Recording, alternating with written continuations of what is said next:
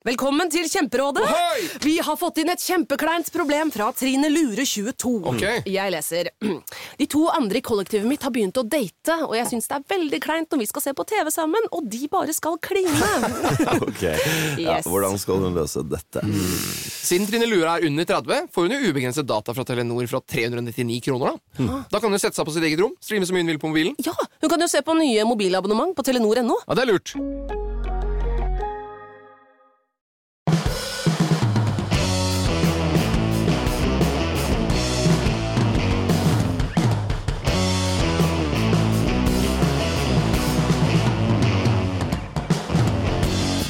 Uke og nye muligheter til at eh, fjell kan veltes, Petter. Det er drama på mannen. Ja, glem tornadoer og kriser og sånt noe. Det store oppslaget på VG nå, på topp, det er mannen. Mannen er nå, nå oppe i 27 cm. Det er rekordfort. Bevegelser. Ja, ja, ja, ja, ja. Det, er, det er bevegelser vi aldri har sett før på mannen. Nå skjer det. Eh, Kanskje. Eh, Vi har jo trodd det før, og dette er jo et tema vi liker å komme innom av og til. Mannens bevegelser. Utrolig spennende. Jeg, jeg føler jo å har fulgt livesendinger fra mannen, og jeg må innrømme en ting. Jeg syns jo uh, Hurtigruta minutt for minutt var spennende, spesielt over Lopphavet, i tåke. Hvor jeg fikk et eget uh, tape fra NRK på de 45 minuttene der hvor du bare så tåke. Ja. Og det var faktisk 40 000 mennesker som fulgte Hurtigruta i tåka. Ja. Men mannen er mer spennende. Ja, Det var så vidt vi kunne gå inn i studio i dag, fordi vi hadde jo denne livesendingen på Følger det. Du kunne nesten se fjellet flytte seg. Jeg føler at jeg ser det flytter seg nå. Ja. 27 cm i døgnet, det er ganske mye. Nederste delen det er bare 13-14, Ja. men det er nå skjer det. Men da begynner det å flytte seg i en hastighet tilsvarende veksten til en bambusstamme i løpet av et døgn, tenker jeg. Det er, eh, det er, Er det såpass? Det er, jeg tror det er såpass. Kan vokse, vokser utrolig fort, da. 27 cm? Ja, En bambus? Ikke, ellers så tror jeg ikke fjell og bambus har så veldig mye med hverandre å gjøre. Nei. Men uh, det var det første jeg kom på i farta. Bambus, Vi må videre. Petter. Ja, vi må videre. Dette var en, eh, en Q. Du, uh, transaksjonsmarkedet tenkte vi å snakke om i dag. Ja. Og det er jo egentlig da markedet for kjøp og salg av selskaper, eiendomsporteføljer osv. Ja, faktisk alt mulig. Alt mulig. Ja. Du har gjort et kjempekjøp av et hotell i år. Eh, eh, En hotellkjede i, i Finland. Storm Communication, som jeg jo jobber i, og som vi eier sammen, har jo gjort et lite oppkjøp av et IT-selskap. Ja. Det var riktignok ikke så stort at vi måtte ha noen sånne superfancy rådgivere som tar eh, 18 000 kroner timen for å fortelle oss hva prisen er, og hva vi må unngå å kjøpe. Du vet at hva dette heter på fagspråket, for vi, vi skal jo rett inn i fagterminologien her nå. Det er M&A. M&A. Murder and acquisition. M- Merger and acquisition. ja, ja, ja. Det fikk frem nerdelatteren i våre to gjester i dag. Ja. Eh, For dette er to nerder, to eksperter, to av de aller fremste på transaksjoner og M&As i Norge. Ja. Velkommen til dere, Elin Sandnes i McKinsey og Erik Holmen i PwC. Tusen takk. Hyggelig å ha dere her. Dere er jo to av stjernene i dette markedet for kjøp og salg av virksomheter. Og øh, jeg må, aller først så må jeg bare si at Erik, vi kjenner hverandre litt fra før, fordi PwC er en kunde av Storm Communications, men det er ikke derfor du er invitert. Men jeg føler det er riktig å påpeke det. Uh, Jeg må bare korrigere sjefen litt her. Ja. Uh, Erik han har jo han, han jobber på den del to av transaksjoner, som kalles DD, due deal. Ja, okay. Altså, Men, så vi skal eh, komme tilbake til det, ja, for, for- det er jo litt voksenopplæring her Ja. for uh, sjefen sjøl. ja. Er jeg sjefen sjøl her? Ja, du har jo vært sjef siden dag én, føler jeg.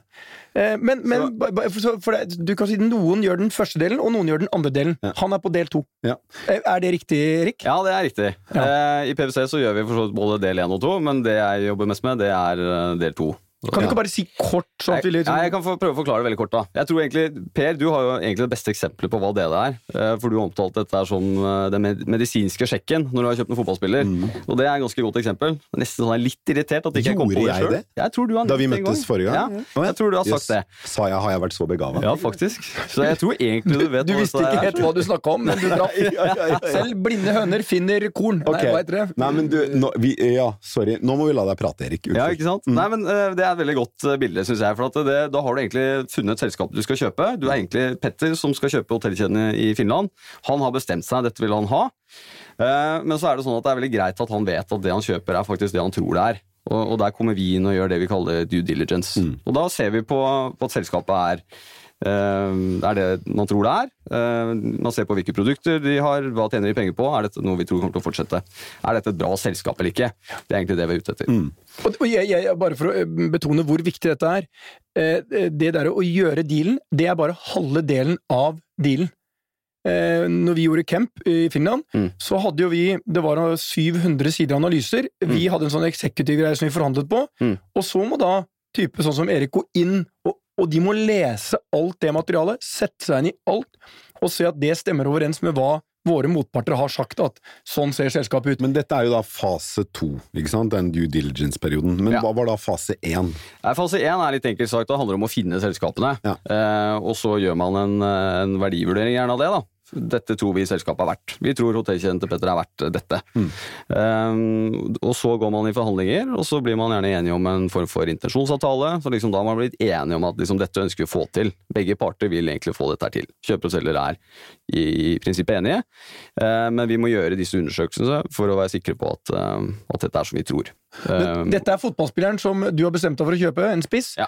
Og så undersøker de om kneet er i orden. Ja. Ja. Men så det er, det er to, de to fasene av uh, transaksjonsmarkedet, da. Det er, den ene er uh, fotballspeideren som er ute og leter etter eh, selskaper. Og, den, og den andre er den medisinske sjekken, for å sjekke at alt er i orden. Ja, Sånn det kan du godt kort- si. Litt, litt, enkelt, litt enkelt sagt. Og så er jo den viktigste jobben kommer etterpå. Og det er jo faktisk få han fotballspilleren til å funke Ja. som en del av laget. ikke sant? Ja. Han skal bli en del, han skal skjønne systemet, han skal inn og fungere sammen med resten av av gjengen. Og det er der dere ruller inn revisorene og skatterådgiverne? Ja, og Revisorene kommer ikke da, Per. Nei, men Nå var, du, nå var du så bra, og så roter du deg bort. Du var så nære, og så roter du deg bort. Ja, er, mener du at revisor de er omtrent som materialforvalteren? Er det der du Jeg ville ikke oppgradert revisoren til materialforvalter. Nei, du ville ikke det, da. Eh, Nei. Okay. Så, men, men, men, men, men stopp der. Og så bare spol litt tilbake. Dette kan vi klippe ut hvis det høres for tullete ut, men altså, så stopper vi der. Så gjør vi et lite hopp til vår andre gjest. Ja, Det var der jeg hadde tenkt å gå nå. Ja. Ok. Nei, kjør, kjør på, Petter. du må Dette er den mest springende og rare innledningen på en podkast vi har hatt på ganske lenge. Men ok, Elin. Du, uh, I McKinsey så jobber du også ganske mye med transaksjoner. Eh, Hva, hvor er du i dette markedet? Ja, eh, så vi jobber jo eh, egentlig litt samme som eh, de gjør i PwC Deals, med due diligence-prosessen. Men vi jobber også på en måte med hele reisen fra å sette en M&A-strategi, altså oppkjøpsstrategi, til å finne relevante targets, gjøre en due diligence-prosess, identifisere synergier, hjelpe til med integreringa i etterkant, sørge for at eh, man realiserer de verdiene man hadde satt ut. Så vi kan hjelpe på, på tvers av hele løpet. Så hvis, Jeg må- hvis, jeg må bare eh, si ja, en ting, Pelle. Ja. eh, eh, Ja, men vent da. Nå- så Hvis jeg er leder av et uh, oppdrettsselskap, Ja. og så har jeg tro på at uh, dette markedet kommer til å være så sterkt fremover, og jeg har en eller annen måte å uh, drifte det på som er smartere enn andres, så jeg har lyst til å kjøpe andres mærer rundt omkring i, langs norskekysten for eksempel. Eh, men jeg vet ikke helt hvordan jeg går frem. Er det da jeg ringer deg og sier du, Elin, jeg har lyst til å kjøpe mærer eh, på Nordvestlandet. Eh, kan du hjelpe meg med det? Er det det? Er det sånn? Eh, det, det kan man gjøre, eh, og da kan vi hjelpe å se på en måte hvor er de ulike lokasjonene, hva selskap eier de, hvordan er strukturen, hvem bør du ta kontakt med. Eh, og så har man også da typisk liksom en investeringsrådgiver, gjerne en bank, som på en måte hjelper deg med, med den delen av, av transaksjonen også. Men når du da sier oppkjøpsstrategi, at du hjelper selskapet med oppkjøpsstrategien og å ta den ut, så er det ikke helt det du mente? Det jeg forsøkte Nei, jeg kan bruke McKinsey som et eksempel. Vi har jo gjort veldig mange oppkjøp siste åra. Eh, og det har vært eh, ikke fordi vi skal vokse og bli liksom aller størst, men mer fordi vi så det var en del kompetanse og ferdigheter som vi mangla. Eh, og derfor har vi hatt en oppkjøpsstrategi som gjelder innenfor disse områdene. Design, advanced analytics, artificial intelligence. Der vi har lyst til å bli bedre, og vi ser vi klarer ikke å gjøre det fort nok organisk. Og da har vi kjøpt eh, ulike selskap, f.eks. Veryday, som jobber med design. Eh, som da har vært på en måte vår oppkjøpsstrategi. Mm. Så det betyr ikke hvis eh, plutselig PwC skulle skille ut PwC Deals, så hadde ikke det vært del av vår strategi, så det hadde ikke vært like relevant. Men Elin, du er jo liksom rockestjerna i McKinsey Norge og kvinnelig partner, og det, er, det, det, det oser suksess. Den yngste partneren i McKinsey i verden, tror jeg. I, I Norge. Og bare i, no bare i Bare i Norge. Nei, men det å bare være partner så ung, det er bare For, for det, som, det du forbinder med McKinsey, det er de gutta i mørk dress som aldri uttaler seg, som flyr verden rundt. Det er liksom, det, det, dette er liksom eh, rådgivernes Illuminati, eller hva det heter. for. Det er liksom, dette er de mytegreiene rundt det, liksom. Og de har slott hvor de møtes en gang i året, i Sveits eller et eller annet sted, og det er altså, McKinsey, og de er også sånn, når de er ute de, de tar liksom over deg som leder, og så forteller deg hva du egentlig skal tenke, og hva du skal gjøre. Og fra du er inni i McKinsey-illuminatin, så kommer du aldri ut. For du er livredd for å miste dem, for de biter seg fan, fan, fast med sånn blodig Det er kanskje litt feil uh, lignelse, men de biter seg fast. og, og McKinsey er jo regnet som et av verdens fremste rådgivere, altså presidenter, statsministre, land, like gjerne som selskaper. Du gjør det. Trenger Du kan avsløre sånn litt her nå. pro bono-avtale fra McKinsey? Oh, jeg- nei, nei, nei, Er det- det- liv- nei, nei, nei, nei, jeg er livredd for å ta McKinsey inn, for da hadde de sagt her er så mye galt eh, at vi må inn med hele førsterekka vår. Altså, jeg begynner jo å lure på hvem i McKinsey du har møtt. å nei, nei, jeg har møtt flere. Nei, nå skal du prøve å selge inn McKinsey som Nei, nei. Men hva var Nei, du, Elin behøver jo ikke selge inn noe, du har jo gjort det salget for henne. Nei, jeg, jeg ville aldri Men hva var spørsmålet? Spørsmålet er myten om McKinsey, stemmer den? Har dere et slott? Vi har eh, ikke et slott, vi har et hotell som ligger i Østerrike og ikke Sveits, som vi Ja, bruker det, som er- eh, det, er er ganske opplæringssenter. presist å være meg, da. Men hva gjør dere der? Vi har det som kurs- og opplæringssenter. Eh, Så for eksempel for meg, for hvert nivå jeg har beveget meg gjennom McKinsey, så har jeg hatt et ukers eh, kurs der, eh, der man flyr inn folk fra over hele verden. Eh, Og så har vi opplæring og ja. Det Møte litt, men det eh, er vel kollegaer riktig å si at McKinsey er de som, eh, med all respekt for PwC, de plukker de vasseste huene på Handelshøyskolen i Bergen og eh, rundt om. Altså de vasseste huene på verdens toppuniversitet. Veldig mange av de går til McKinsey. Vi prøver jo det. Det er jo ja. Og så er det slavedrift, eh, eh, ja, slavedrift en del år før du blir partner. Og blir du ikke partner, så må du bare slutte. Ja, det er jo sånn. Jeg gjorde analysen bra, du bør ikke svare ja. her. Okay. Men vi må tilbake til temaet, Per. Nå var du langt på, på siden av temaet her. Sa du at jeg var langt på siden? eller vi. ja. Uh, hvor- eh, hvis vi tar uh, dette markedet for transaksjoner, da, hvor mange kjøp og salg av bedrifter er det i løpet av et år, Erik? Nei, det er, det er ganske mange, og det er økende. Så Vi ser jo at aktiviteten her blir bare større og større. Så Nå er det jo flere hundre selskaper hvert år som, som skifter eiere. Eh, og Det skjer jo på ulike måter. Det kan være på børs, eller det kan være privateide selskaper som, øh, som selges. Det kan være gründere som skal ut, eller det kan være generasjonsskifte som, som skjer. Eh, så, så det er mange ulike typer transaksjoner. Eh, det vi ser i markedet nå, er at det er veldig høy aktivitet. Og, og hvordan det går i økonomien er jo på en måte hovedindikatoren. Så er liksom norsk økonomi bra, så skjer det mye transaksjoner. Så det vil jeg si er det generelle bildet vi ser nå. Og så er det jo litt geopolitiske utfordringer og en del andre ting som, som skjer. Så vi som alle andre uh, som lever og har jobbet med dette her, vi er jo spente på hvordan ting kommer til å gå. Uh, Men nå koker det. nå koker det, og det har kokt uh, ganske bra i ett til to år. Uh, og vi er uh, forberedt på at det skal fortsette å koke. Um, og så får vi heller endre planene. Hvis, Hva slags arbeidsdager eh, har en eh, typisk eh, person på PwC Deals? Da? Nei, Deals den er ganske varierende, og den er, den er først og fremst ganske uforutsigbar. Eh, Dette er prosesser som, eh, som vi nå kommer ganske sent ut av, alle vil bare bli ferdig med dette her, ikke sant? Så, så det er ganske det er travle dager og, og høy aktivitet, men, men samtidig så er det ikke sånn at man er på prosjekt hele tiden. Så vi, vi forsøker å balansere det ut, sånn at man over tid eh, har en hverdag som, eh, som fungerer. Um, og det tror jeg er viktig nå. Vi ser også med en ny generasjon, og vi snakket litt om rekruttering her, liksom, hvilke, hvilke kandidater er man ute etter, og det, det er en viktig del at vi klarer å tilby de en hverdag som funker. Men for dere blir det veldig sånn sprintbaserte eh, arbeidsdager, da? At i, når dere har en due diligence, så Ja. må den leveres fryktelig fort, for det er ingen av partene, verken kjøper eller selger, som har lyst til å vente mer enn høyst nødvendig for å få gjort den vurderingen av selskapet. Ja, Så da det, må dere er jobbe riktig. Så på da, da, da skjer ting kjapt, og man må snu seg kjapt. Og man må liksom sette seg inn, evne å sette seg inn i selskapet på, på, på kort tid. da.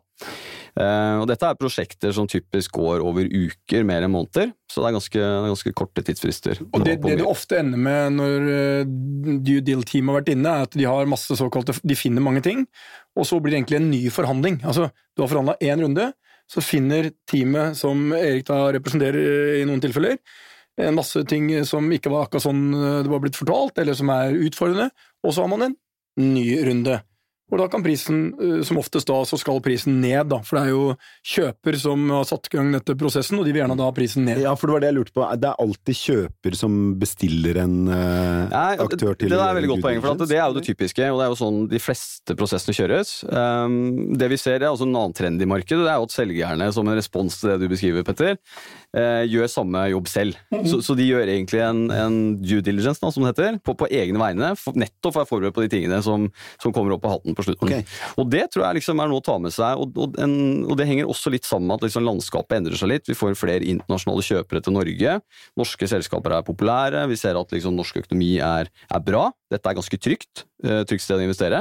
Og de er enda mer, i hvert fall min erfaring, enda mer krevende i disse prosessene enn det vi er her lokalt. Da. Så, Det- det- det- det så er det er faktisk sånn for å slippe at en due diligence-prosess eh, skaper trøbbel, eh, så er det ofte sånn at selger også bestiller en due diligence. Ja, Man gjør det på egne vegne, nettopp for å være forberedt. Som en disse Det, det skjedde jo i Finland, som skapte en del problem for meg. Vi hadde jo Deloitte som skulle hjelpe oss i DD-prosessen, og så hadde jo de sin egen, og de hadde også en McKinsey-rapport.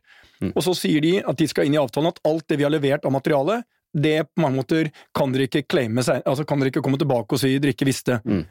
Og da var det spesielt viktig, og for meg som er en tålmodig mann, å lese 700 sider og plukke ut de tingene, ville aldri skjedd. Da har jeg sånne mennesker. Mm. Men da ble det en diskusjon mellom vårt DD-team og motpartens, og det har jeg aldri opplevd før. Mm. Altså, eh, så det, og det er, som du sier, det er en ganske ny ting, i hvert fall i, ja, sånn jeg er vant til at vi har gjort det før. Ja. Det høres ut som at dette er et marked som er eh, stadig økende. Da. At det blir eh, økende behov for eh, sånne som dere, som er eksperter på kjøp og salg av virksomheter, og vurdere om selskapet er priset riktig, og om det er noe lik i skapet. Men Elin, jeg har et spørsmål som er ganske spennende. Du er jo ekspert på varehandel, blant annet. Telekommunikasjon, varehandel, detaljhandel, eller hele store områder er sånn. Ja, Vi leser, jo hver, vi leser jo hver dag i avisa nå om utfordringer i detaljhandelen. Hva ser, hvis du skal se inn i McKinseys krystallkule over varehandelen, nett og alle utfordringene, hva ser Elin, rockestjerna i McKinsey, som alle våre lyttere kan ta med seg nå? Her får dere, her får dere svaret. Her kommer fuglen Phoenix fra McKinsey. Nei, hva heter den der som så, Nei, det var den som eh, steg opp fra asken, ja. ja, men som hadde også sånn Hva heter det? det, eh, jeg vet orakel i Delfi. Orakel i Delfi var det jeg mente. Ja. Ja. Okay. Her kommer Orakel i Delfi. Korreksjon. Det får vi bare stryke.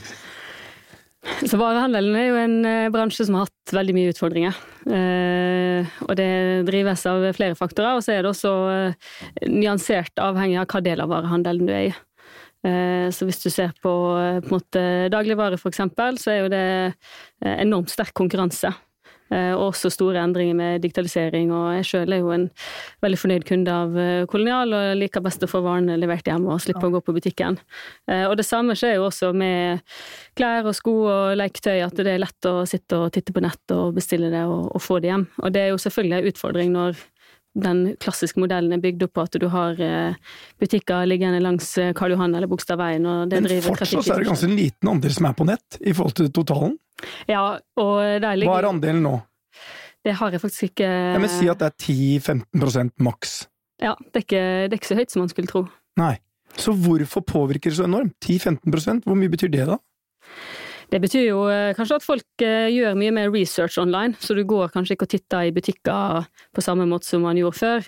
Eh, Og da får man også færre impulskjøp. Man kan gjøre research online og så gå og kjøpe det der og da. Så det er jo et måte mer diffust kanalbilde. Det at man kjøper i butikk betyr ikke at man da kun har titta i butikk, for Er detaljhandel en bransje som preger transaksjonsmarkedet nå for tida? Er det mye kjøp og salg av virksomheter i detaljhandel? Eller er det sånn at fordi det er usikkerhet, så er det ingen som vil ha det? Eh, Det er jo litt med investeringsstrategien til, eh, til ulike oppkjøpere, holdt jeg på å si. Eh, Men det er jo en industri folk er litt mer forsiktige med nå. Det er det absolutt. Men så, det er- så hvis man eier en detaljhandelskjede, så er det ikke så lett å få den solgt?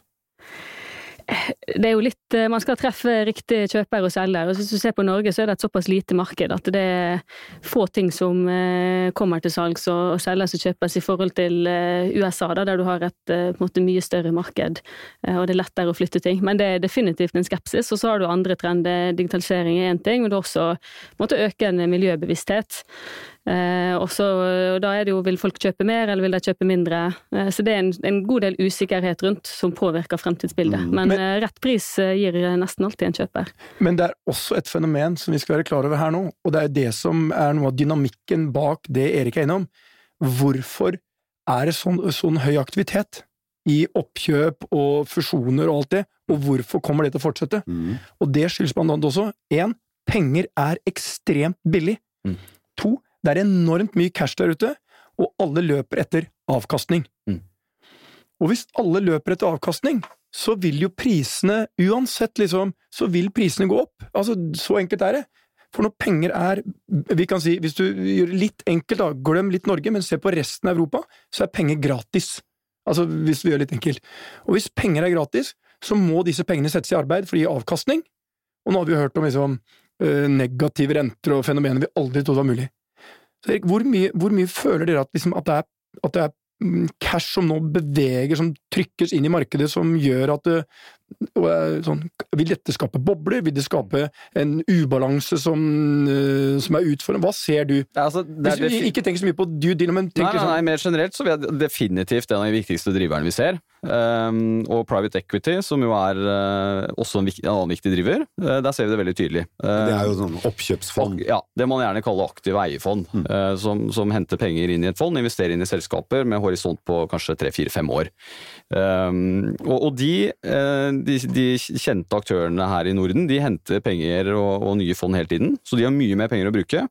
Uh, de kan låne billig, så de kan gire investeringene bra. Og- Gire, altså låne mye penger. Låne mye penger, i tillegg til den egenkapitalen de får gjennom fondene sine.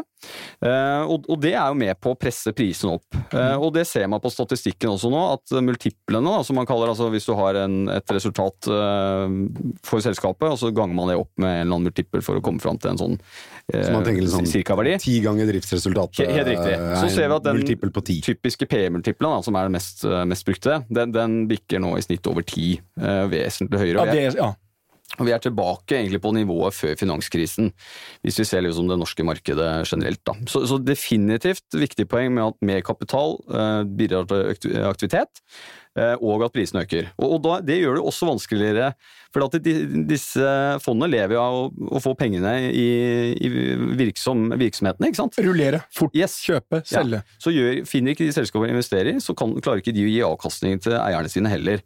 Um, så, så det er en veldig interessant dynamikk, og det betyr nok, og jeg tror nok at det endrer nok litt fokus også, for det betyr at man må jobbe mer aktivt med selskapene. Vi er liksom forbi den eh, litt eh, bildet som har festet seg til, langt tilbake i tid, da, at man går inn og kjøper billig og selger dyrt. Eh, man er forbi det. Nå har vi mange profesjonelle aktører i markedet som driver med dette her, og, det handler om å virkelig utvikle selskapene. Um, og jobber du da, Har du en retail-case nå, da, så, så er min, min vurdering da, det er definitivt mye vanskeligere å selge retail nå enn det var for eh, to år siden.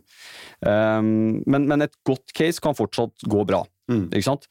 Eh, Så det handler om å, å ta det selskapet du eier og utvikle det på en god måte, som gjør at du faktisk får solgt, selv om kanskje retail generelt, eller varehandel, da, som det heter på norsk, um, kanskje ikke er den, den optimale bransjen. Sånn Du var så vidt inne på i sted at det norske markedet for eh, kjøp og salg av bedrifter Mm. eh, er veldig godt, og at det begynner å bli ganske stor interesse fra utenlandske selskaper i å kjøpe norske selskaper. Ja. Hvorfor det? Eh, Det handler jo litt om at vi, vi fortsatt blir ansett som en trygg havn. Altså det er et, et trygt marked å operere i. Mm. Um, og, og det er jo også et marked som går godt sammenlignet med mange andre land. ikke sant? Så, så hvis du sitter i utlandet og, og ser på Norge utenfra, så, så er det et interessant område å investere i. Og så tror jeg nok mange internasjonalt ser på Norden som ett marked. Eh, Norge er jo tross alt en relativt liten del av det. Eh, og det er også interessant sett fra norsk side, for at de aktørene som opererer hovedsakelig i Norge, de blir også mer utadvendte. Så de er jo med på å utvikle selskapene, vokse de store, vil ut i nye markeder. Så vi, vi ser på en måte at dette markedet for transaksjoner er i ferd med å liksom utvide seg fra, fra begge retninger. da. Eh, der er jo oppkjøpet i Finland et godt eksempel. ikke sant? Ja. Er det, er det, er det sånn at dette markedet vil fortsette å vokse fordi det fyller et Det dekker et eh, behov som eh, ikke er altså, eh, Det var et veldig dårlig start på spørsmålet, egentlig, men, men er det, det det at du nå har stadig flere internasjonale aktører som interesserer seg for norske selskaper, og har stadig flere norske selskaper som interesserer seg for kjøp ute, Mm. vil jeg tro fører til en, eh, at norske aktører blir mye proffere. Og vil det i seg selv være en driver for at dette markedet vil fortsette å vokse? Det at du får Ja, ja, et miljø? Kanskje det. Altså, vi, vi får en mer det, profesjonell liksom, næring rundt det, men, men jeg tror fortsatt det aller viktigste er det vi var inne på i sted, med at det, liksom, dette handler om selskapenes oppkjøpsstrategi. Det å kjøpe et selskap skal fylle et, et, et formål. Det skal gi oss tilgang til nye markeder eller nye produkter eller nye kunder. Det er hovedformålet. Eh, Og det vil nok fortsatt være hoveddriveren. Men, men det er klart at det at vi blir mer internasjonale, gjør at det er lettere for oss nordmenn å gjøre investeringer i utlandet, og, og vice versa. Og på den måten så, så blir kanskje mulighetene større enn det har vært før, da. Men Elin, eh, du, eh, hvis vi går tilbake litt der du bare sa. Dagligvarehandelen. Du sa det er hard konkurranse. Ja. Du har Norgesgruppen som har omtrent eh, 45-50% av markedet. Og så har du Rema som har noen og 20, og så har du Coop som har noen og 20, og så er bunnpris er litt bøss, de har en 300-400 nå. Og så har du ja, men jeg bruker kolonial.no. Eh, altså, de omsetter like mye som eh, et par litt store dagligvarebutikker til sammen. Ja. Er det ikke sånn at enten blir de kjøpt opp av en av de store aktørene, eller så blir de borte? Din altså, kan de overleve med de resultatene vi har sett hittil? Hva, hva ser du, hvis du ser på Og, og du sier konkurransen har. Altså, jeg er jo redd for at eh, konkurransen snart er borte. Nå er det et oligopol, altså få store aktører. To-tre aktører kan bli to en dag.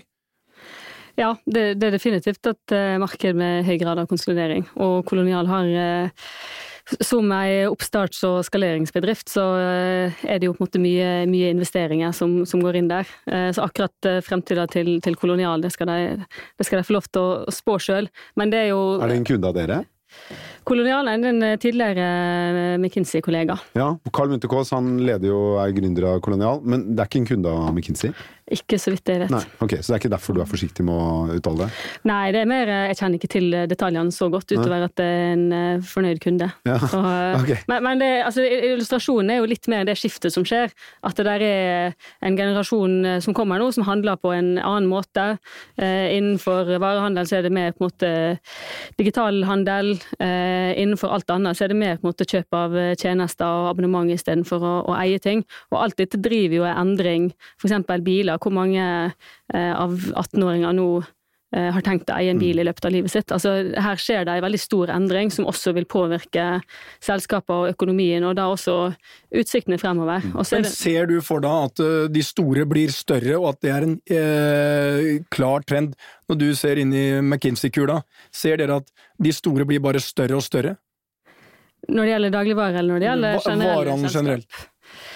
Varehandel generelt, eh, det har jeg ikke noe godt svar på. Men jeg, det er én ting jeg lurer på. Hvilke bransjer er det du eh, ser vekst i fremover, Erik? Det er jo et veldig godt spørsmål. Jeg tror, eh, Vi har vært innom retail. Jeg tror Hvis du tenker transaksjoner, tror jeg definitivt det kommer til å skje ting på retail. Ikke nødvendigvis fordi all retail går så bra, men, men fordi mye går dårlig. Og som man må slå seg sammen Ja, for å så da, få da vil man kunne få konsolidering, og liksom det handler mer om å optimere driften enn, enn å, å, at det er et vekstcase. da. Så retail tror jeg det kommer til å skje ting. Um, eh, Forbrukslånsbankene har vi jo diskutert eh, tidligere, eh, hvor det har vært en fantastisk vekst de siste par årene. Nye reguleringer, det gjør det vanskelig å låne ut, veksten avtar. Og, ganske mange nye, altså veldig høy grad av nyetablering, som gjør at det er mange aktører som er ganske like veldig god logikk i å tenke at de skal gå sammen og, og også kunne liksom optimalisere driften sin, kutte kostnader, ha en felles plattform. Så, så der tror jeg det kommer til å skje ting. Ok. Elin? Ja, bare for å kommentere på det. Det er jo også, Om man ser på hvor man vil ha konsolidering fremover, så er det jo hva er fordelen med konsolidering. Eh, Og Stort sett så har det vært stor. Eh, Det har vært en fordel i industrier der du har stordriftsfordeler. Da, så enten at du har store innkjøp og bør ha liksom forhandlingskraft eller logistikk osv. Og der òg med digitalisering så skjer det jo et skift, for digitalisering har plutselig blitt en stordriftsfordel. Det ser du jo f.eks. på hotell, der man før kunne eie et hotell og tjene greit med penger på det. Eh, og I dag eier du ett hotell, så er det de store internettplattformene som tar profitten din. Fordi digital har blitt en stordriftsfordel. Så det er også en trend å ta med seg når man ser på Men det er jo i seg ganske skremmende, for det gir bare de store ytterligere konkurransefortrinn. Det at du må investere enormt i digitale, nye digitale løsninger, og du må du, det er kontinuerlig. Ikke sånn, du kan liksom ikke investere og så er du fornøyd, du må kontinuerlig investere. Vi investerer jo mer nå de neste fem årene i digitale ting enn vi har gjort de foregående fem til sammen. Hvert år. Det var jo også ganske tydelig fra Skipsted, hvor jeg jobbet i, til inntil for et år siden. At det, sånn ut, det å holde tritt med de teknologiske eh, kravene til kunden ofte, da, til leserne og annonsørene. Det var så dyrt å være god på annonseløsninger eller god på redaksjonelle plattformer som, som eh, leverer på det kundene i økende grad etterspør, at uh, det var umulig for noe medieselskap, selv i Skipsted, med store medieaktører i skandinavisk sammenheng, å gjøre det alene. Du, man måtte gå sammen om tekniske løsninger. Ja, og da, da, Hvis du tar dagligvarebransjen, tenk bare hvilke konsekvenser det har hatt for Orkla, som er et av de store, mektige selskapene fortsatt, når det blir veldig få aktører som kjøper fra de, og som presser de steinhardt på marginene. Og alternativet deres er fordi de er så store, det er å begynne å lage egne brand. Så går de nesten til de samme type fabrikker og produserer de samme tingene. Så det blir liksom ikke pizza Grandiosa, det blir pizza Famosa. Kjapt, eh, dere på tampen. Tre år fra nå. Uh, hvordan er markedet for uh, transaksjoner i Norge? Start med deg, Erik. Det er jo helt umulig å svare på. Jeg håper, jeg håper at det holder seg. Your best guess. Ikke sant? Jeg, jeg håper jo at det holder seg. Eh, Det forutsetter jo at, eh, at vi har en økonomi som er velfungerende. Og er, har vi det, så, så tror jeg dette kommer til å se veldig bra ut også om tre år. Mm. Elin? Der må jeg kaste meg på det Erik sier. Det er veldig avhengig av eh, økonomien generelt i Norge, også på verdensbasis. Eh, Og det, er jo ikke, det vil ikke være en opptursykkel for alltid. Nei. Og da og kanskje Skipstedt har kjøpt opp Stormkast, og vi er begge har sånn treårs eh, earnout i, i Skipstedt-konsernet. Jeg er Skipstedt-ansatt. Jeg er litt sånn den der eh, gudfaren eh, Every time I Ja, ja, ja. prøver å komme meg ut, pull me back in. Ja, ja. Og eh, det er mye som kan skje fremover. Tre år er en evighet i Det- den verden vi lever i i dag. Ja, det er en evighet. Tusen takk skal dere ha for at dere kom i dag. Elin Sandnes i McKinsey og Erik Holmen i PwC.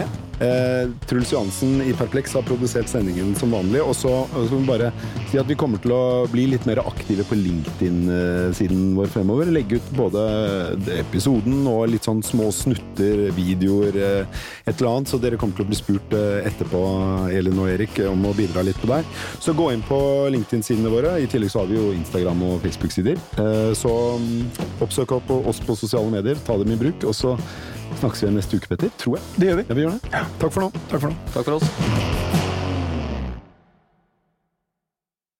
Velkommen til Kjemperådet! Ohoi! Vi har fått inn et kjempekleint problem fra Trine Lure 22. Ok. Jeg leser. De to andre i kollektivet mitt har begynt å date, og jeg syns det er veldig kleint når vi skal se på TV sammen, og de bare skal kline. Ok, ja, Hvordan skal hun løse dette? Siden Trine Lure er under 30, får hun jo ubegrenset data fra Telenor fra 399 kroner. Da Da kan hun sette seg på sitt eget rom, streame så mye hun vil på mobilen. Ja, hun kan jo se på nye mobilabonnement på telenor.no. Ja, det er lurt.